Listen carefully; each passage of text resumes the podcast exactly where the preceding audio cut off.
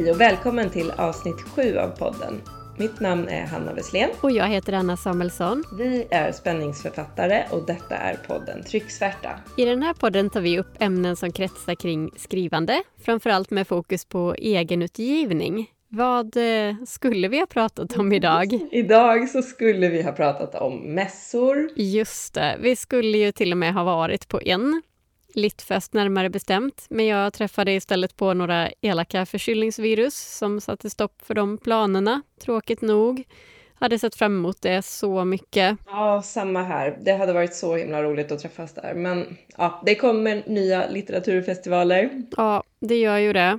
Vi får satsa på en annan helt enkelt. Ja, precis. Sen, jag, jag har faktiskt bokat in mig på en annan nu som substitut, som man ska säga. Fast det är inte riktigt alls samma sak, utan det är, det är en marknad, Hornstulls eh, marknad, som har premiär den första april. Så då kommer jag vara där och eh, stå där med mina böcker. Ja, men vad kul! Om då får du berätta mer om det nästa gång. Ja, ja men det ska jag göra. Så, vi fick ju pussla om lite i schemat eh, och idag ska vi istället ta upp redigering. Men precis, och det, det är också ett väldigt viktigt ämne. Och, ja, som egenutgivare så äger man ju hela redigeringsprocessen och eh, det är ju bara man själv som ansvarar för att det blir en bra redigering. Mm. Eh, ja, därmed inte sagt att man ska göra allting helt själv. Vi förespråkar ju verkligen att man tar hjälp här. Men vi, vi kör väl en kort tillbakablick på förra avsnittet som vanligt. Ja, förra gången pratade vi om distribution och olika sätt att distribuera sin bok. Vi hade också en spännande intervju med författaren Molly Eriksson som nyligen debuterade med sin fantasyroman Kaninhjärta. Mm, och vi har faktiskt fått in en kommentar också på förra veckans avsnitt från Sten Rosendal. Tänkte läsa upp den. Han skriver bland annat följande. Eh, det är värt att notera att även om du har Axiell som når absolut flest bibliotek så registreras in, de inte där automatiskt om ingen har frågat efter dem så att de kommer med i katalogen. Mm, just det. Ja, och så skriver han även om det här med kommissionsavtal med en distributör. Har man då en hylla per titel, det vill säga cirka 40 till 50 böcker böcker och om man då har en stor upplaga hemma så måste man skicka en låda själv då och då för att fylla på hyllorna hos distributören.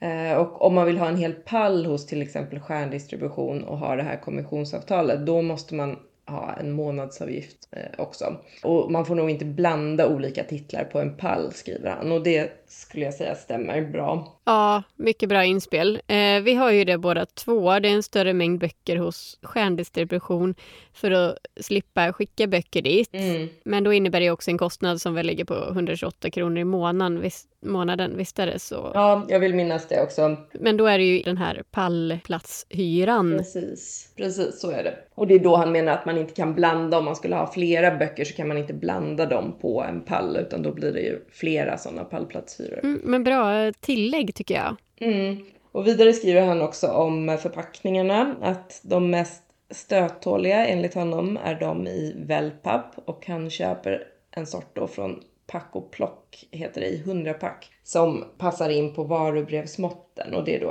ett till två böcker och det går in i postfack och postlådor. Just det. Jag tror jag hittar mina på Kontorsgiganten, heter de väl, 25 pack. Men eh, frakten kostar ju lite så jag köpte flera sådana där buntar samtidigt. Varifrån köpte du dina kartonger för fler än en bok? Ja, jag kommer inte ens ihåg vad det hette riktigt, men jag undrar om det inte var jag undrar om det inte var kontorsgiganten också. Mm. Det finns ju massor av olika att välja på. Men jag, jag köpte då kartonger när jag skulle skicka två böcker och eh, vadderade påsar om det bara var en bok. Mm. Sen skrivs det också om eh, Shopify som vår gäst Molly Eriksson berättade om i förra avsnittet. Och eh, att det är då en av de få internationella webbshoppar som går att använda med Swish, skriver han. Och han tror att det är en avgift om man vill använda det utöver månadsavgiften för Shopify. Och eh, vidare då att det är svårt att få låga fasta kostnader där om man inte har sin egen webbshop. Ja, jag har ju lite dålig koll på Shopify mer än det som Molly berättade i förra avsnittet. Har du hunnit sätta dig in mer i det? För du pratar ju om att göra din egen webbshop också. Nej, jag har inte hunnit göra det faktiskt. Men det är klart att allt sånt där kostar pengar. Det är inte gratis att ha, ja, vilken lösning man än väljer. det kostar ju pengar att ha en webbsida också. Mm. Men jag tänker att det är långsiktigt bra, både, både att ha en webbsida och att ha en webbshop. Och mm. ja, jag lovar att återkomma när jag har kollat lite mer på det. Ja, och jättekul att ni som lyssnar kommer med de här tilläggen och att vi kunde ta upp det nu, så tack! Och Stens hela text finns på vår Insta på inlägget om distribution den 14 mars. Så du som lyssnar, fortsätt gärna att kommentera och fråga. Men verkligen. Vi, vi lär oss av det och du som lyssnar får veta mer från andra som lyssnar. Så ja, vi vill ju sprida kunskap och inspiration till andra som vill ge ut sina böcker på egen hand. Eller med hjälp av förlag eller hybridförlag eller utgivningstjänst eller vad det nu kan vara. Mm. Men då kör vi igång. Det gör vi. Vill du börja med att berätta vad som har hänt på din front de senaste veckorna, Anna? Ja, jag har som sagt varit eh, förkyld. så himla trist. Ja. Eh, och rejält förkyld, så jag har varit eh, både sjukskriven från jobbet och sängliggande mestadels. Så något skrivande har det alltså inte blivit, inte heller något arbete med ljudboken. Däremot har jag lyssnat lite på ljudböcker för jag, jag har inte ens orkat hålla i en bok stundtals. Men då är ju ljudböcker jättebra ja, faktiskt. Ja, det är det verkligen. Sen, eh, sen har jag faktiskt kompletterat min synopsis lite också de här sista dagarna när jag har varit frisk. Och jag har saknat ett par parallellspår, eller hur man ska säga tidigare, saker som hände vid sidan av liksom, även om det har funnits lite sånt redan. Ja, då blir man ju lite nyfiken. ja, det behövdes alltså något mer och jag har inte kommit på exakt vad förrän de här idéerna dök upp en kväll. Så då skrev jag ner de där två meningarna. Så får jag ju utveckla dem sen när jag skriver om dem sedan. Ja, ja men det är så skönt när man får de där idéerna. Och, ja, verkligen viktigt att skriva ner dem direkt då som du gjorde. Ja, och det är en sån tillfredsställelse att trycka dit den där saknade pusselbiten. Mm, ja, jag förstår vad du menar. Eh, men då har det alltså inte hänt så mycket med din egen ljudbok nu eftersom du har varit sjuk? Nej, verkligen inte. Eh, eller jo, en sak förresten. eh, jag har faktiskt Igår tror jag det var signerat avtalet med Nextory, så där kommer ljudboken att hamna när den är klar. Och jag har ju ett kontrakt med Storytel sen innan, där e-boken finns. Och e-boken kommer också komma upp på Nextory då förstås inom kort tillsammans med ljudboken sen när den är klar. Ja, vad kul! Ja, verkligen. Så nu finns den snart både där och sen innan då på Storytel. Men just det. Vad, vad har hänt för dig? Ja, men lite samma här faktiskt. Jag har hittat ut till lite fler återförsäljare och streamingtjänster. Sen också en del internationella återförsäljare via Draft to Digital som jag tror vi pratade lite om i förra avsnittet. Mm, så spännande! Du berättade ju lite om dina planer i förra avsnittet också, men eh, kul att du har kommit så långt nu. Var det mycket jobb med det? Det var det verkligen. Dels att bekanta mig med nya plattformar och dels att fylla i all information. Och de har ju allihopa skulle jag säga gjort mycket för att det ska vara så enkelt som möjligt att signa upp och sådär. Men det är fortfarande mycket att sätta sig in i. Ja, jag kan tänka mig det. Vad var det som tog mest tid? Det allra värsta var ju verkligen skatteinformationen som man måste fylla i både i ja, men Draft to Digital och Amazon. Det är ju amerikanska äh, återförsäljare. Och man får ju fylla i sådana här tax forms som krävs för utbetalningarna av royalty. Och herregud vilket jobb det var. och jag ville verkligen göra rätt och jag satt och läste dubbelbeskattningsavtal mellan USA och Sverige. Och ja, gud vet allt. Oj då, det låter inte så enkelt. Nej, nej men det var det verkligen inte. Men jag, jag tror och hoppas det blev rätt till slut i alla fall. Och så får vi hoppas att det så småningom ger någonting att finnas på de här plattformarna också. Ja, ja men det blir säkert rätt. Jag menar du är så noggrann och sen kanske underlätta också med dina universitetsstudier tänker jag. För jag menar om du tycker det var svårt också som ändå har pluggat ekonomi så hade jag som inte alls ens gillar den biten av företagandet förmodligen tyckt att det var fruktansvärt svårt. Ja, jo, man får lägga mycket tid på att sätta sig in i det och ja, i det här fallet kanske juridik hade varit mer användbart än ekonomi. Ja. Men, men hur som helst, det, nu finns böckerna där i alla fall, så nu kommer miljonerna att välla in. ja, det vore ju något. Man blir så himla rik på att skriva böcker, det vet ju alla. ja. Men vad säger du, ska vi dra igång med veckans tema? Ja, det gör vi. Idag ska vi alltså prata om den viktiga redigeringen. För när man skrivit klart utkastet är det ju ingen bok. Det är ju just bara ett utkast. Och jag tänkte faktiskt läsa ett citat från dig, Hanna. Så här låter det. Jag vill aldrig mer läsa den här boken. jag, jag kände ju samma sak inför min egen bok. Minns du hur tankarna gick då? ja, jag kommer nästan ihåg att jag sa det där. Det var någon gång i oktober, november förra mm. året. Och jag var så sjukt trött på mitt eget manus och jag kände det som att nu har jag läst, hundra, eller nu har läst samma sak hundra gånger. Och till slut tyckte jag att det kändes sämre och sämre för att jag var så trött på det. Ja, det känns igen. Men samtidigt tycker ju du om redigeringen, eller hur? Mm, ja, men det är lite dubbelt å ena sidan älskar jag redigeringen och då pratar jag väl främst om den första vändan och kanske även den andra och tredje vändan, men särskilt den första. Ja, när man är lyckligt ovetande om hur mycket som återstår. Något sånt kanske. Och då är man liksom så glad att vara klar med råmanuset och äntligen få börja förbättra texten. Och det är lite den fasen jag är i nu med nästa manus och det tycker jag är super, super kul. Mm. Och samtidigt så är det ju långt kvar till deadline och man har liksom alla möjligheter att uh, göra något riktigt bra av det. Mm. Uh, men det, det, som, det som jag däremot inte är så förtjust i det är ju då sista vändorna när deadline närmar sig och det börjar bli skarpt läge och alla lösa trådar måste vara ihopknutna och den här känslan att snart ska läsare faktiskt läsa det jag har skrivit. Ja, just det. För du hade ju verkligen deadline också där i och med att du arbetar med lektören. Mm, ja men precis. Jag hade ju datum uppsatta. Det hade ju säkert gått att ändra. Hon är ju väldigt flexibel men, men eh, på något sätt hade vi ju datum uppsatta och jag hade spikat tryckdatum och sådär så att jag jobbade hela tiden mot den deadline och ville inte ändra på den. Nej. Men där i oktober, november när tryckdatum närmade sig så tyckte jag det kändes bara omöjligt att få ihop det. Och samtidigt så visste jag att om jag skjuter fram det så kommer det kännas lika illa längre fram istället. Ja, nej, den där 20 eh, redigeringsvändan är ju inte riktigt lika charmig som den första. nej, exakt.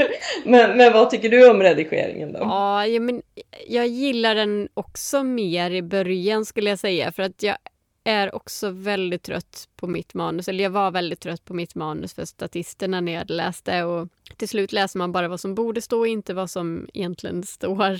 Mm. Och det är så lätt att missa någonting. Men eh, det är kul. Man, jag tycker man märker mer i början också att eh, det blir bättre. I slutet så är det mest såna här småpill och då, då är det inte lika tydligt att det har hänt någonting. Ja, men det är sant. Så det är roligare i början, håller med. Mm. Uh, ja men så varför måste man då som författare gå igenom den här fasen som en del avskyr och andra älskar och ja, som vi båda kanske har blandade känslor inför? Ja, precis. Vi letar ju efter språkliga fel och logiska luckor. Ja, men just det. Och om karaktärerna har utvecklats och om perspektivet är rätt, om dramaturgin funkar och dessutom om alla lösa trådar knyts ihop på slutet. Om det nu är meningen att de ska göra det. Det kan ju vara en serie och då lämnar man ju en del öppet medvetet. Mm. Och man får kontrollera gestaltningen. Har man till exempel bara skrivit “det var sommar ute” Ja, det var det säkert, men hur känns den? Ja, precis. Och så, så, behöver man ju se över vad som ska vara kvar av texten och vad som ska strykas helt. För stryker något, det gör man ju alltid. Ja, usch vad hemskt det var när man måste stryka flera kapitel. Jag gjorde det i början av redigeringen. Jag hade hade ju slitit så med texten och nu skulle den bort. Mm. Strök du mycket text och varför fick den i så fall inte vara med? Ja, jag strök otroligt mycket text i Sprickan i fasaden och det var nog tur även om det var jobbigt. Mm. Jag hade ju inte arbetat då efter synopsis och det blev kapitel som var överflödiga eller där jag hade liksom målat in mig i ett hörn och inte fick ihop det. Ja. Och ja, jag tror alla som skriver förstår lite vad jag menar med det. Absolut, ja det är hög igenkänning. Men eh, om vi ska dyka in i redigeringen, vad är det egentligen man ska göra efter att råmanuset eller första utkastet är klart? Var eh, börjar man? Ja, vi kan väl säga lite, jag kan väl säga lite hur jag har jobbat. Jag, jag trodde nog tidigare att det var ett bra sätt att bara starta med att gå igenom texten sida för sida, fixa meningsbyggnad och sådana saker. Men eh, nu eh, skulle jag ju säga att det är inte det första man bör göra. Nej, jag håller med. Även om jag också gjorde så i början. Det är ju ingen idé egentligen att börja peta i detaljerna innan man är säker på att storyn på en övergripande nivå är det man vill ha. Ja, men precis. Och ett tips som jag själv tycker är svårt det är ju att först låta manuset vila så länge som möjligt. Eller att i alla fall vänta ett tag innan man plockar upp utkastet för redigering. Och jag väntar några dagar, men mer än så klarar jag inte. Samma här. Men eh, man skulle ju vänta flera veckor egentligen, kanske månader. Det är bara så svårt att ha det tålamodet. Man vill ju bli klar. Mm. Men, men det är ju en bra startpunkt kan ju ändå vara, för min del i alla fall, att, att inta ett fågelperspektiv när man tar upp manuset för redigering. Eh, liksom kolla om, har berättelsen en tydlig målgrupp och en genre? Som jag, blev det så som jag hade tänkt mig? Finns det ett tema som genomsyrar berättelsen och, och, och förmedlas det som jag hade tänkt mig helt enkelt? Mm, det är klokt att fundera på. Till exempel, jag tänker på din bok Statisterna. Där kan man ju kanske säga att temat är lite kring det perfekta brottet och hur människor agerar när de tror att de har möjlighet att genomföra det perfekta brottet, tänker jag. Ja, ja. Och hur man reagerar när man befinner sig i situationer som man inte har valt själv. Just det, precis. Hur skulle du definiera ditt tema i Sprickan i fasaden? Ja, men jag skulle nog säga att det handlar mycket om hur långt människor är beredda att gå för pengar och eh, vad det kan få för konsekvenser. Ja, det där hur långt människor är beredda att gå tycker jag är en väldigt träffande beskrivning. De som inte kanske tror lika mycket på godhet och rättvisa som din huvudperson Emily gör. Ja, ja men precis. Eh, så för, förutom då att ha temat klart för mig innan jag börjar hoppa in i att redigera enskilda stycken så försöker jag också se över om dramaturgin hänger samman på ett övergripande plan och att det finns ja, men tydliga vändpunkter i berättelsen och sådana saker. Ja, det är viktigt. Jag har ju för det manuset som jag arbetar med nu så har jag ju haft en synopsis och eh, till skillnad från det förra då Eh, där har alla kapitel och vändpunkter liksom varit klara i förväg och då blir det här mycket enklare. Men det kan fortfarande vara så märker jag att vissa scener kanske ändå inte blev exakt de vändpunkter som jag tänkte mig och jag har fått liksom stuva om lite i strukturen och eh, hittat en del luckor som gör att man måste ändra om och sådär. Mm. Eh, Sen ytterligare en sak som jag försöker tänka på det är ju ifall berättelsen och intrigen är spännande. Alltså om det händer tillräckligt mycket och eh, sker scenerna liksom som en logisk och direkt följd av tidigare scener. Jag vill inte ha scener i manuset som inte tillför något och jag vill ju inte heller att det ska saknas scener som borde ha varit med för att liksom, föra handlingen vidare. Precis, varje scen måste ju kunna försvaras för att föra handlingen vidare i princip. Eller alternativt för karaktärsutveckling då. Mm. Och man vill ju inte sitta och redigera en scen som sen ska tas bort. Nej, nej men precis, även om det såklart har hänt mig i alla fall att jag har gjort det. Ja, samma här. Ja. Men, men apropå scenerna då, det finns ju en risk att det uppstår logiska luckor mellan saker som händer i olika scener. Eh, hittade du några sådana problem eller logiska luckor när du redigerade statisterna? Jag tror att jag har förträngt det mesta. men eh, jo, men det gjorde jag. Ofta handlar det om specifika händelser och förhör, för jag hade flyttat om händelser i texten under skrivandets gång. Så det kunde till exempel ha varit ett förhör om eh, något där man nämnde en händelse som kanske inte hade ägt rum än. ja, ja, det är ju svårt när man inkluderar en polisutredning kan jag tänka mig, eller, eller någon annan typ av utredning. Det är så ja. mycket som måste stämma i tid. Och det är det ju för sig i alla böcker men just eh, utredningar blir ju lite speciellt. Mm, det, det blir det. Hur var det med den saken i din text? Vill, jag vill minnas att du gjorde ett Insta-inlägg om några av dem. Ja, herregud. Jag hade många sådana problem i sprickan i fasaden där jag, där jag då, ja men jag hade bara kört på och det blev lite, det blev lite fel ibland helt enkelt innan jag redigerade bort det. Mm. Eh, och jag skrev om och jag skrev till i omgångar och vid ett tillfälle så var det så mycket logiska luckor att jag höll på att ge upp. Eh, alltså inte riktigt, men det kändes tungt just då faktiskt. Ja, jobbig känsla. Men eh, hur gjorde du för att komma vidare? Jag vet inte riktigt. Jag tror att det dels bara var att inte ge upp utan kämpa vidare. Men sen var det ju till väldigt stor hjälp att skriva upp allt och punkta ner problemen och sen notera lösningarna på respektive problem. Så att jag försökte gå tillväga på ett liksom ganska strukturerat sätt för att reda ut mm. det. Och sen hade jag ju hjälp också av ja, men testläsare och lektör förstås. Ja, just det. Du nämnde ju detta med lösa trådar också. Nu skriver vi ju båda på en serie, så det blir ju en annan sak mot fristående romaner. Mm. Jo, men det blir det ju. Jag, jag har lämnat en del lösa trådar i min första bok då. Och eh, det måste ju finnas något att spinna vidare på till nästa del, tänker ja. jag. Ja, men förhoppningsvis så känns det ju ändå som att det är ett bra och eh, liksom riktigt avslut i den boken. Men det tycker jag att det är. Jag har ju läst den och jag tycker lagom mycket lämnas öppet. Men eh, just den aktuella händelsen, eller vad man ska säga, den här centrala händelsen, den är ju ändå avslutad, även om det finns andra öppningar att fortsätta med. Ja, men gud vad bra att du, att du tycker det. Ja, eh, hur, hur har du tänkt kring statisterna? Det är ju också en en första del i en trilogi. Ja, jag kanske inte har så många lösa trådar i slutet av statisterna.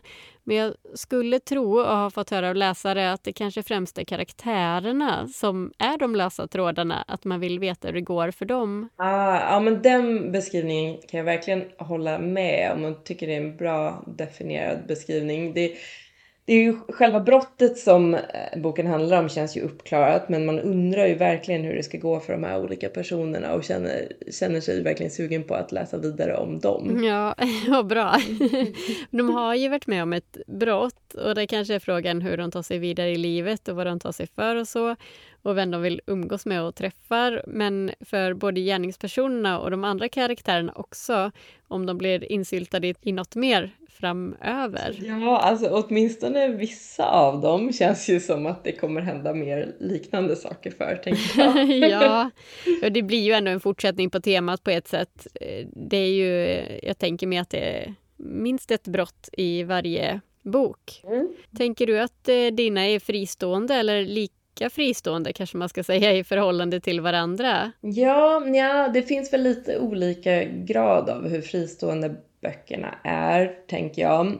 Om man går direkt på den andra delen i Nepalsviten, den som jag jobbar på nu då, mm. så kommer det ju bli en hel del spoilers i den boken kring vad som händer i den första eftersom det bygger vidare på det. Så det, det är meningen att man ska kunna läsa del två utan att ha läst del ett, men det är ju absolut bäst att läsa dem i ordning tänker jag. Mm. Hur eh, tänker du med din trilogi? Jag kommer absolut försöka skriva så det går att läsa dem i fel ordning, eller vad man ska säga.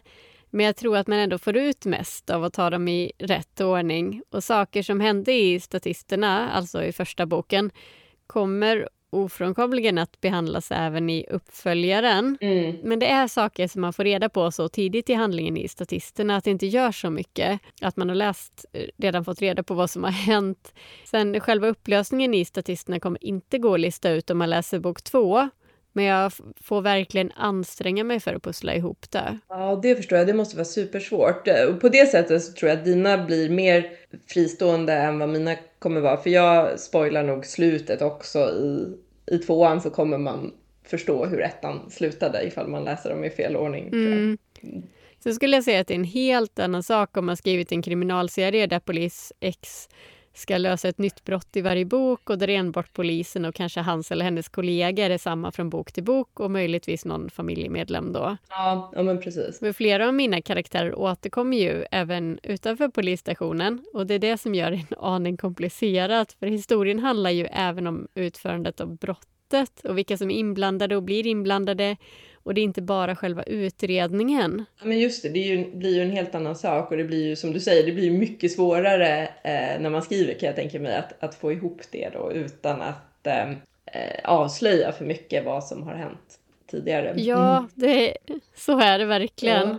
Men eh, ska vi gå in lite snabbt på det här med perspektiv också? För du var ju inne lite på det redan. Ja, vi har ju i något tidigare avsnitt nämnt att vi båda valt att skriva ut från tredje persons perspektiv. Sen har jag också korta fragment skrivna utifrån första person, alltså jag-form. Men det är ju inte hu det huvudsakliga. Men eh, perspektiv i det här fallet syftar vi kanske egentligen mer på berättarröst, vem det är som berättar historien och om det är samma genom hela kapitlet. Just det. För beroende på hur man skriver så kan det ju bli förvirrande om det plötsligt byts mitt i ett kapitel. Det beror ju på hur nära karaktären man skriver och hur allvetande perspektiv man använder och sådär.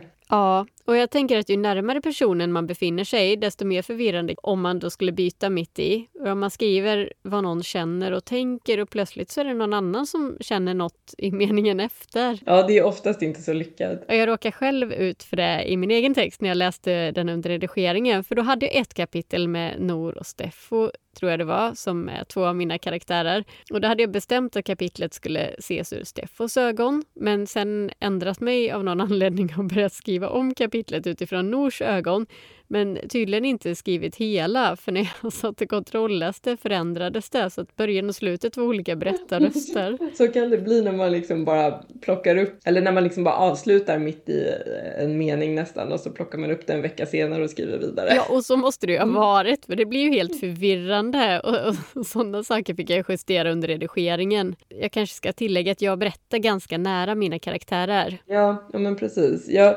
jag var ju med om något liknande då, att jag tyckte tyckte att jag hade skrivit ett kapitel helt ur karaktären Marcus perspektiv. Men två personer som var helt oberoende av varandra, bland annat du tror jag. Ja. upp, upp, uppfattade det som att perspektivet hoppade i kapitlet. Mm. Och eh, då var det liksom lika bra att skriva om det trots att jag själv tyckte att det stämde. För att det var ju uppenbarligen någonting som inte var riktigt som det skulle. Jo men det, det kändes som att det flöt på väldigt bra sen när du hade ändrat det. Ja, jo men det blev ju bättre. Det, det tycker jag också. en annan sak som kan vara svårare att upptäcka det är ju om man berättar ur en karaktärs perspektiv och så händer någonting som inte den rimligtvis kan se. Och då är det ju lätt hänt att det blir lite ologiskt ifall man börjar beskriva vad som händer bakom ryggen på den personen till exempel. Ja. Och det där är lite olika. Ibland kan det funka under vissa omständigheter men man får passa sig lite där. Det är lätt, lätt hänt att det blir fel. Ja, verkligen. Men hur många olika perspektiv kan man ha i en bok då? Ja, säg det. Eh, jag har läst och bläddrat i böcker med upp till nio berättarröster och det kan funka jättebra. Jag tänker att det beror på när i boken man lägger in nya och hur olika varandra de är. Ja, men jag håller med. Dessutom så gillar jag att läsa böcker med flera perspektiv. Mm. Sen har jag hört eh, att på 1800-talet, eller ja, för länge sedan så var det vanligare att skriva utifrån det här mer allvetande perspektivet, att man var en allvetande berättare. Det är inte så himla vanligt idag. Nej. Men lite intressant. Ja, men det kanske går mode i sånt mm. också. Sen har vi det här med utvecklingen av karaktärerna. Just det, för det måste ju också kollas över i redigeringsfasen. Mm, ja men precis, man vill ju gärna att karaktärerna ska utvecklas i en bok och förändras på något sätt och få nya insikter eller liknande. Och ja, det finns väl några undantag. James Bond utvecklas kanske inte så mycket mellan filmerna, men ändå.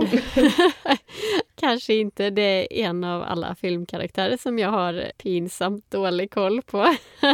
hur, hur har du tänkt kring dina karaktärer? Ja, men på något sätt så tycker jag det kom lite automatiskt. När jag var klar med handlingen i första boken så hade det liksom blivit uppenbart för mig hur karaktärerna hade utvecklats. Det hade inte jag riktigt tänkt ut i förväg innan första boken. Nej, just det. Eh, men nu inför andra och tredje boken så har jag det däremot mer klart för mig i förväg. Och jag har liksom försökt portionera ut mina huvudkaraktärers utveckling så att de har lite utveckling kvar till kommande böcker om man säger. Ja men det är en bra idé. Man vill ju ändå att det ska hända lite grann i varje bok. Ja, ja men absolut. Och sen kan det ju, man kan ju gå lite fram och tillbaka i sin utveckling också. Mm. Hur, hur har du tänkt? Jag skulle inte säga att jag har tänkt igenom karaktärernas utvecklingskurva i de böcker jag ännu inte har skrivit. Utan det brukar ge sig när jag sätter mig med min synopsis, tänker jag. Mm. Hoppas jag. Mm. Däremot vill jag gärna ha den klar innan jag börjar skriva eh, i just den boken som jag håller på att skriva på då. Mm. För att kunna lägga in händelser som hjälper karaktären i rätt riktning. Ja, men det är ju smart för att liksom, ja men styra handlingen lite utifrån det också. Mm, mm. Just det, då kan du ju skapa hinder på vägen för karaktärerna som hjälper till mot, mot rätt utveckling så att säga. Och, ja, Ja, Det är ju ofta hindren alltså, och att inte allt flyter på som gör att man utvecklas och lär sig något. så, så är det ju. Och det är ju svårt att gå in på djupet av det här utan att avslöja hela handlingen i böcker. Men eh, på något vis behöver karaktären utvecklas, helst på flera plan. Man kanske lärt sig något nytt eller lärt sig sätta gränser, fått ett nytt mål i livet.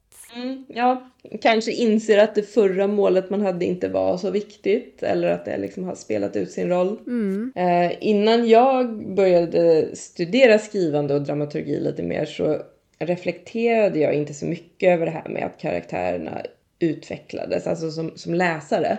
Men nu tänker jag att det är nog så att om det saknades i en bok så skulle man som läsare ändå ha känt att, att det saknades något utan att kunna sätta fingret på vad det var. Ja, jag tror det. Mm. Eh, en annan sak som man hör mycket om eh, kring skrivande och redigering det är ju det här med gestaltningen. Det är, det är ett ord som jag i början knappt förstod vad det betydde. Och Ehm, ja, inte världens lättaste ord att definiera heller. Men eh, där har jag en av de sakerna som jag alltid måste slipa på i redigeringen och där jag vet att jag liksom kommer fortsätta utvecklas. Mm, det är en viktig bit. Innan jag började skriva visste jag ju inte heller ens vad det var. Jag förstod skillnaden mellan att beskriva och gestalta. Eller hade förstås ett, sett exempel på det i böcker jag läst. Men jag skulle inte kunna förklara skillnaden med ord. Nej, har du något bra exempel på gestaltning? Vi, vi kanske skulle kunna läsa ett exempel på gestaltning från våra egna böcker. Ja, just det, det, det kan vi göra. Vill, vill du börja? ja, men jag kollade lite innan avsnittet nu och jag har en mening här till exempel som, eh, som lyder Med ens förvandlades mellangärdet till en torktumlare full av skrot. Ja, men den är talande. I, istället för att bara beskriva känslan så gestaltar du hur det, hur det känns. Och eh, man förstår ju verkligen i det här fallet att det inte är en, en skön känsla. Ja, och jag hade ju förstås kunnat skriva att han fick ont i magen. Men eh, gestaltning är ju väldigt viktigt och det säger så mycket mera. Hade du ett exempel där också från din bok? Mm, ja, jag har inte skrivit ner det ordagrant på samma sätt, men eh, jag hade något liknande när en person fick en hemsk insikt till sig då liksom. Och då var det något i stil med att en sten banade sin väg ner genom kroppen. Mm, just det, men den tror jag till och med jag minns. Den är också talande och banad är ett fint ord, ovanligt. Ja, kanske. och gestaltning kan ju också handla om miljöer och jag tror jag skrev något om elkablar som spindelnät över ett torg i Kathmandu. Ah, ja, men så ser det ju verkligen ut i delar av världen. Jag har själv sett det i Asien. Det är så likt spindelnät man bara kan komma. Mm. Möjligen lite mer oorganiserat. Spindelnäten kanske är mer symmetriska egentligen. Ja, jag tror det. Det är sant. Ett, ett bra tips där som jag hörde på i veckan tror jag, det är ju Skrivarpodden har ju en del avsnitt nu nyligen om just gestaltning. Så korta eh, informativa avsnitt. Så de eh, kan vi tipsa om faktiskt. Ja, just det. Mm. Det finns ju en väldigt viktig bit som vi inte har nämnt så mycket om än. Ja men precis. Eh, det är ju förstås språket du tänker på, tänker jag då. Mm. Mm, grammatik, stavning, sådana grejer. Det är ju väldigt viktigt, men som vi sa tidigare då, inte direkt det första man kanske går in och petar i under redigeringen. Men hur har du gjort kring språket? Ja, nu är jag ju väldigt intresserad av både språk och grammatik och även stavning. Eh, Så jag har ju kanske kikat på sånt under tiden jag skrivit också. Mm. Men det har nog inte varit några extrema mängder att ändra. I och med att jag tycker det är så himla kul med det här. Men eh, på 80 eller 90 000 ord så blir det såklart fel ändå. Ja, ja men det är ju ofrånkomligt och jag, jag vet ju att du är väldigt duktig på de här bitarna. det som oftast hänt är nog att det slunkit in ord som jag råkat stava fel till när jag skriver på datorn trots att jag vet hur det stavas. Men man, ibland när man kommer in, in i något flow eller något så vill man bara få ner allting på papper eller i, i datorn då snarare. Mm. Och sen har jag då läst min egen text sen så många gånger att jag vet vad det ska stå och då blir man helt blind för vad det egentligen står. Ja, det känner jag verkligen igen. För man kan ju stycken utan till. Mm. Eh, sen har jag förstås också kört stavningskontrollen men eh, jag har haft testläsare som har uppmärksammat sånt här och vissa av dem är dessutom väldigt bra på stavning och grammatik. Ja, ja men det är ju superviktigt. Ja, hur gjorde du? Ja, men jag hade en eh, språkgranskare, en professionell språkgranskare och eh, så gjorde en annan person slutkorrläsning och jag själv läste eh, slutkorren förstås också. Man blir ju blind för sina egna fel. Det är väl det som är problemet lite, mm. lite som du var inne på. Ja. um, så att eh, det är ju så förargligt ifall det är något som slinker igenom trots alla ansträngningar. Uh, har du hittat något stavfel eller liknande i din bok efter tryck? Ja, eller det var egentligen inte jag som hittade det, men på ett ställe har jag uppmärksammats på eh, att eh, ja, under redigeringen så har jag ändrat ett verb, tror att det var från hade gått till gick eller vad det nu var. Och nu står det alltså hon hade gick istället. Mm. Ja. ja, så otroligt lätt gjort. Och så, så här, ja, det spelar ingen roll men det, det är irriterande ändå såklart. Ja, det är fruktansvärt irriterande. och, och på ett ställe står det faktiskt fel namn och det beror på att jag lät två karaktärer byta namn en bit in i redigeringen och min hjärna ville inte riktigt lära sig det. Ah, ja, men det där, det är ju precis, det är precis så sådana där fel uppstår. Att man mm. ändrar saker någonstans och sen så är det något som blir kvar eller sådär. Och till och med i själva sättningen kan det ju vara att, att man gör någon liten ändring som sen blir konstig på, på något sätt. Ja, ja visst. Och trots att jag sökte igenom alla kapitel för att rätt namn skulle vara där så har jag någon gång efter det lagt till ett stycke och då hamnade fel namn där och det, det är väldigt störande. Ja. Eh, har du hittat något i din? Nej, jag har inte gjort det och jag har inte hört om någon som har hittat något heller. Men det kan ju också vara att det är folk som har hittat som inte har velat säga det till mig. jag, jag, tror säkert att det finns något fel. Um, I de flesta böcker jag läser så hittar jag ett eller två stavfel eller liknande typ av fel. Även de som ges ut av stora förlag. Ja, samma här. Jag har nog alltid hittat något stavfel i de som jag har läst. Mm. Tidigare innan jag själv gav mig på det här så har jag ju tyckt att det är konstigt att det blir så. Men nu mm. så känner jag en stor ödmjukhet inför det och eh, ja, jag fattar, att, jag fattar liksom varför det blir så. Ja, det är ju egentligen otroligt att det inte är fler. Precis. Men känner du att du har koll på exakt alla regler i svenska språket? För jag inser att jag inte har det, även om jag tycker att jag kan det liksom väldigt bra. Grammatiskt kan jag nog inte minnas som jag faktiskt varit osäker på något, utan det gäller nog till största delen stavning i så fall. Mm, kommer du på något exempel? Ja, oftast har det varit om man ska... Nu, nu är jag särskrivningspolis också här.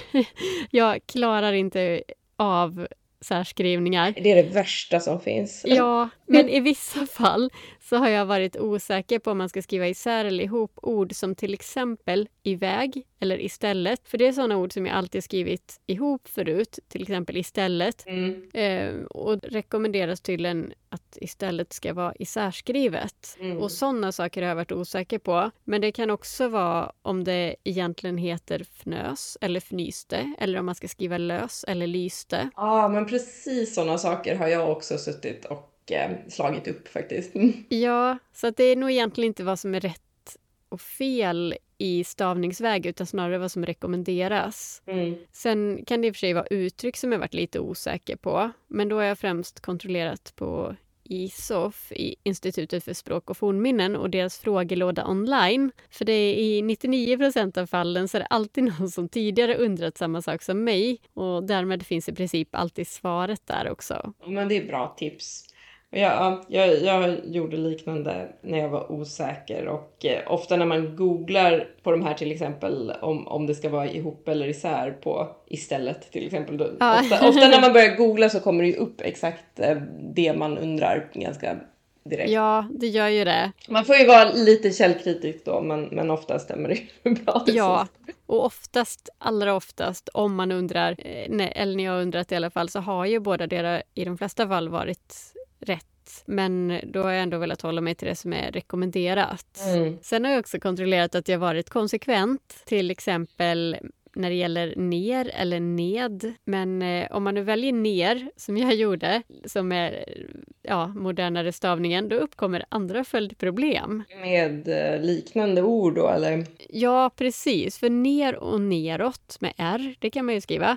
Medan nedanför, men då vill jag ha ett mm. D istället. Absolut. och hur är det med nedåtgående? För jag kan inte skriva neråtgående, eller så kan man det. Men det var så många ord som började på ner eller ned som sen visade sig inte kunde stavas med R. Mm. För då blev det inkonsekvent när jag nu hade börjat med ner med R. Och, så det var många saker som hamnade i gränslandet för om man kunde ha det moderniserade prefixet ner eller inte. Ja, ja sånt kan ju bli så himla svårt. Och det är ju säkert just de detaljerna är ju säkert inte så många andra som skulle reagera på. Men jag håller verkligen med om att det, det, känns ju viktigt att vara konsekvent på något sätt. Mm. Och just det, jag har ju förresten en lista med mina vanligaste ord för att slippa upprepa dem 500 gånger. Och från början hade jag uttrycken av och an och även till och från för många gånger. Så mm. det fick jag ta bort en del. Ja, ja men just det. Och apropå det här med att vara konsekvent då, jag kom att tänka på när du sa det. Det tog mig säkert två dagar att rensa igenom det färdiga manuset på jakt efter ord och uttryck där jag inte hade varit konsekvent.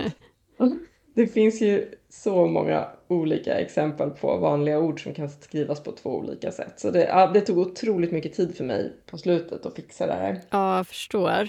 Hur eh, har du gjort när det gäller det här språkliga? Du pratade ju om eh, en professionell språkgranskare innan. Ja, precis. Jag tog ju hjälp då till sista versionen av eh, manuset och det kändes tryggt tycker jag, även om det behövde korrläsas igen efter det, för jag gjorde en del små ändringar och sådär. Men ehm, ja, jag, jag, jag, kände att det passade väldigt bra för mig att göra det. Ja, just det. Men då är det någon som verkligen har koll på det också, arbetar med det, som man vet kan det. Ja, absolut. Hon gjorde ju en del liksom, redigering eller ändringar om man säger, som jag sen fick godkänna då om jag ville acceptera och det, ja, det, var, det var toppen. Mm. Och det är ju en sak att få bort eventuella stavfel och grammatiska fel men det, sen är det ju en annan sak att ha ett språk som flyter bra med en bra melodi om man säger så. Mm. Mm, och där känner jag, det är ju någonting man kan fortsätta utvecklas på i oändlighet. Och, ja, det sägs ju liksom att man som författare lär sig hitta sin röst. Och ja, jag vet inte om jag har gjort det riktigt än. Det känns som att det kanske krävs några till böcker för att jag ska kunna säga det helt säkert i alla fall. Men skulle du liksom säga att du har hittat din författarröst. Jag tror nog det. Mm. Det hade jag inte i början av utkasten, men jag har skrivit om så pass att jag nog tycker det nu. Men jag tror absolut rösten kommer förändras eller förbättras eh, såklart, förhoppningsvis. men det är ändå den här typen av språk som var i statisterna som jag känner mig bekväm med. Mm. Men eh, det känns som att en författares röst är så svårdefinierat för jag antar att det inbegriper meningsuppbyggnad, ordval, korta långa meningar, betoningar, gestaltningar, ja, liknelser, allting. Ja, ja, jag tänker det också. Och jag vet ju hur jag är bekväm med att skriva nu. Men jag tror för min del att det kommer kännas ännu mer liksom självklart så här, det här är min röst efter ytterligare några böcker kanske. Så är det säkert. Och sen så kanske det är olika också i olika genrer. Om man då först väljer att skriva deckare, sen kanske man har en helt annan typ av röst om man skulle skriva en feelgood berättelse. För det känns som det krävs lite olika röster ja, för det. det. det har du verkligen rätt i. Då, då kanske man får liksom modifiera eller börja om lite grann eller vad man ska säga om man, om man byter från eh, en genre till en som är så pass annorlunda. Ja, jag tror det. Mm. Egentligen skulle vi kunna ha ett helt eh, språkavsnitt. Inte för att vi är några språkexperter, men vi har ju både haft en hel del att rätta och det känns som att många fel är lätta att råka göra i skönlitterära texter. Och man märker dem först när man läser att det här ska du tänka på. Ja, ja men verkligen. Och, eh, det finns ju en del saker som också är väldigt specifikt för skönlitterära texter som inte ja, men som man kanske, eller som inte jag var medveten om tidigare i alla fall, till exempel det här med att man i ännu högre utsträckning skriver siffror med bokstäver i skönlitterära texter eh, ja, jämfört alltså med det, i andra typer av texter. Det tänkte inte jag heller på förrän jag läste att man ska göra det, vilket känns jättekonstigt att skriva typ 60 med bokstäver. Ja, precis. Men det, det är ju så. Och det, det, har man aldrig tänkt på som läsare. Men, men ehm, ja, det, det är sådana grejer som man får lära sig. Ja. Eh, en sak som jag förresten tycker om att göra väldigt mycket avseende redigering då, det är ju att um, printa ut manuset och läsa på papper. Mm. Uh, det ger en annan känsla tycker jag. Man ser texten på ett nytt sätt. Mm. Och jag, jag gör så att jag printar i flera omgångar och läser och så kladdar jag noteringar på utskrifterna. Gör du något liknande? Jag gjorde det vid två tillfällen i slutet bara. Men eh, alla testläsare fick faktiskt texten på papper. För egen del så är det så mycket värt för man ser det verkligen på ett annat sätt, precis som du säger. Ja, och vissa stycken läste jag högt. Um, jag, egentligen är det säkert bra att läsa hela manuset högt om man orkar. ja.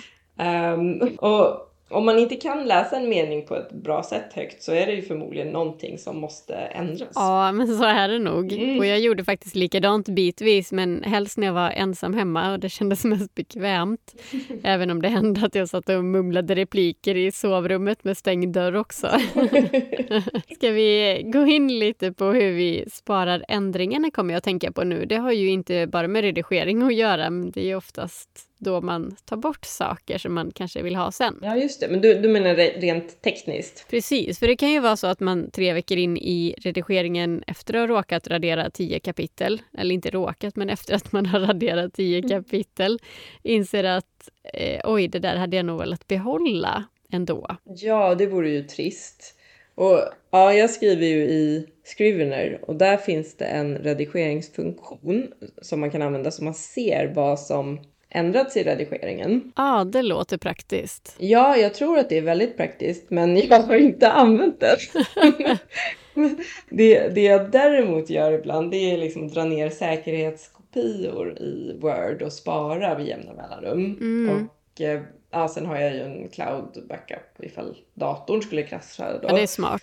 Och om man använder till exempel OneDrive eller något annat liknande så kan man ju enkelt spara versionshistoriken också. Själv gör jag inte det, men jag har säkerhetskopierat versionerna med jämna mellanrum. Kanske varje eller varannan vecka beroende på hur stora förändringar jag har gjort. Ja, det är nog väldigt bra. Men då kan jag åtminstone gå tillbaka. Sen har jag också lyft ut de kapitel jag raderat och lagt i ett särskilt dokument. För vissa av de här, eller åtminstone en del stycken, har jag kunnat ta och lägga in något annat kapitel men omskrivet utifrån rätt karaktär. Ah, smart att återanvända det. Ja, för det är ju stycken, vissa stycken som jag känner är väldigt bra rent språkligt och när jag hittar kapitel där de kan passa in så kan jag lika gärna ta det jag redan skrivit istället för att skriva nytt. Om det är något jag känner passar förstås. Ja, absolut. Eller bara arbeta om lite om det behövs. Ja, ja. Ehm, jag har faktiskt gjort liknande då med versionerna och sparat flera stycken. Och nu när jag tänker tillbaka på det så tror jag att jag i min, eller i min skrivna-fil till sprickan i fasaden så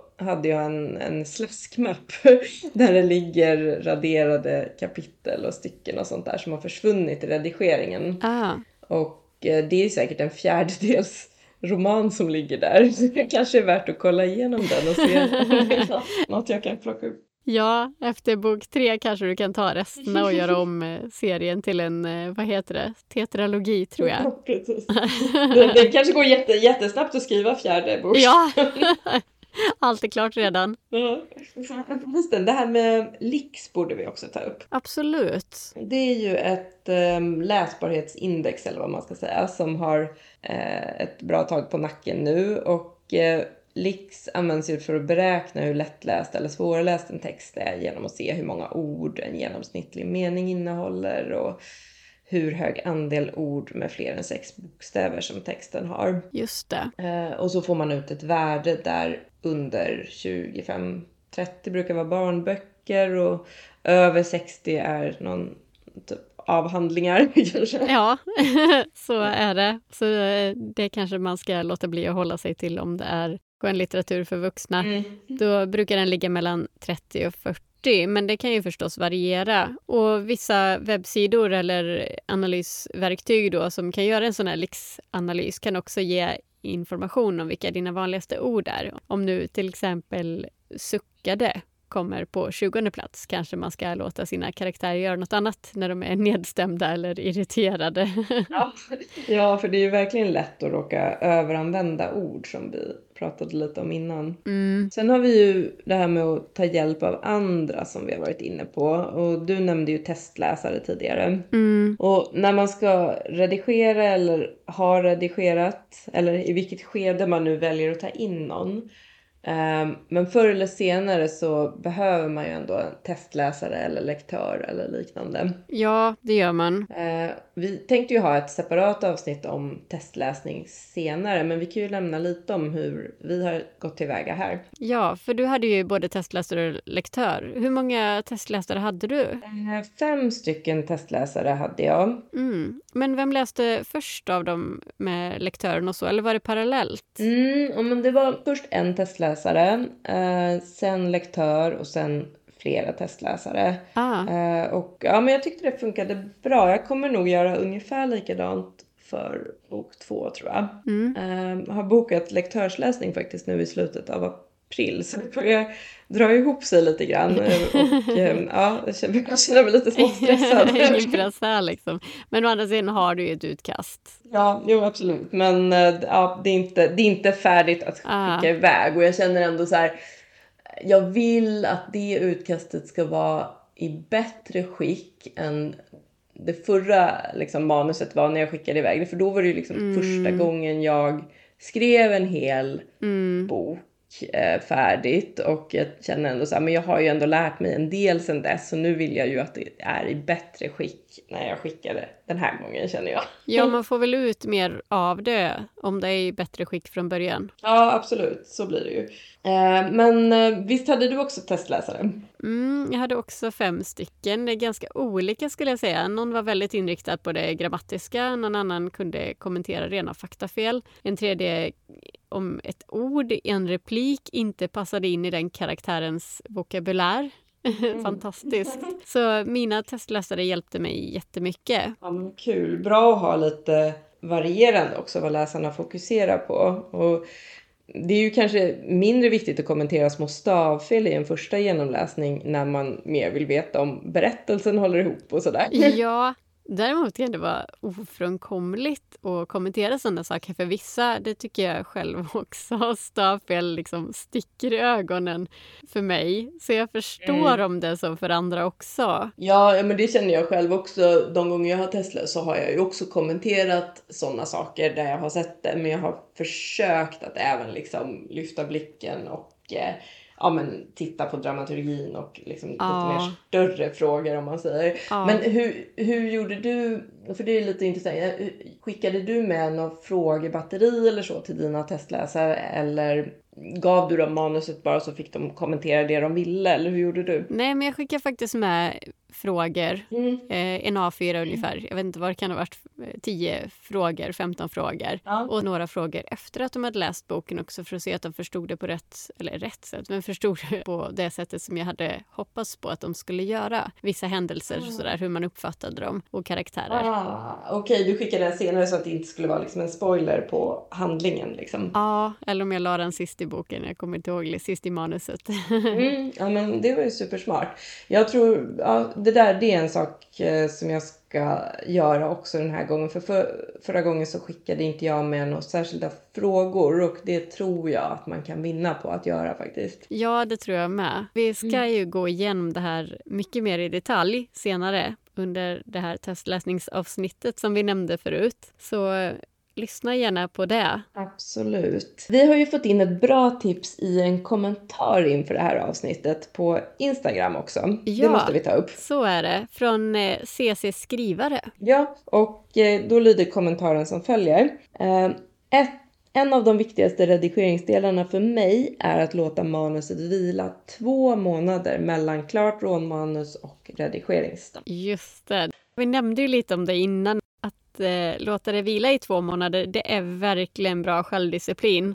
Ja. Otroligt. Det är imponerande tycker jag. Det är ju väldigt bra om man klarar av det. Det, det inser jag man ser det ju med helt andra ögon då. Ja. Själv har jag ju som jag sa tidigare jättesvårt att vänta så länge. Men jag förstår verkligen poängen och ja, kanske ska försöka ta till mig lite av det där. Ja, jag med. Hon har ju så rätt i det. Så att eh, du som lyssnar, prova gärna det här. Mm. Och jag ska försöka prova det också. Sen tror jag inte att jag kommer klara två månader fast man borde. För man märker ju att ju längre tiden går desto bättre är det. Man känner ju det för nästan varje dag. Absolut. Och så, tricket är väl då kanske att man har annat i pipen. Att man liksom jobbar med någonting annat såklart under de två månaderna. Men mm, ja, nej, bra, bra tips.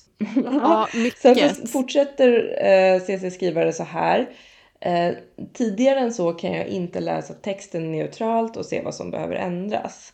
Sen läser jag det högt från pappersutskrift, lyssnar på melodin och ändrar det som skaver. Ja, just det. Ja, det är det som hon skriver om melodin, det blir ju en helt annan sak att läsa från papper. Ja, ja men det är väldigt bra tips tycker jag. Mm, mm. Tack, så, tack så jättemycket för att du delade med dig. Ja, det är jättekul att höra hur du som lyssnar arbetar och eh, vad, vad du har för tips om sådana här saker. Så att, eh, fortsätt jättegärna att kommentera. Vi är väldigt eh, glada för det. Ja, verkligen. Fortsätt kommentera och skriv.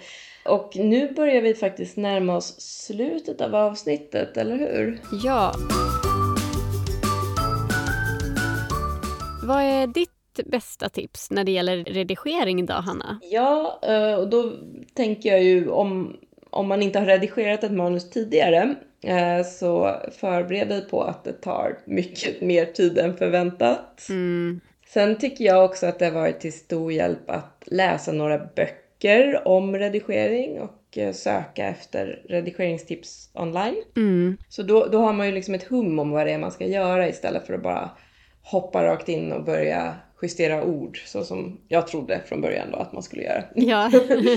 ja, det låter väldigt klokt för det är inte helt givet att först se till helheten när man inte vet vilken helhet man ska leta efter. Nej, nej men precis.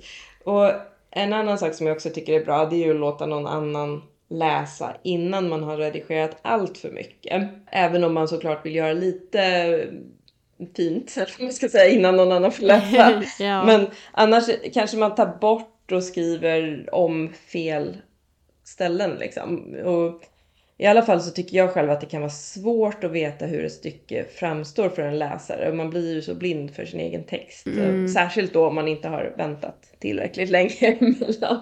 Ja, det är bra att låta någon annan läsa.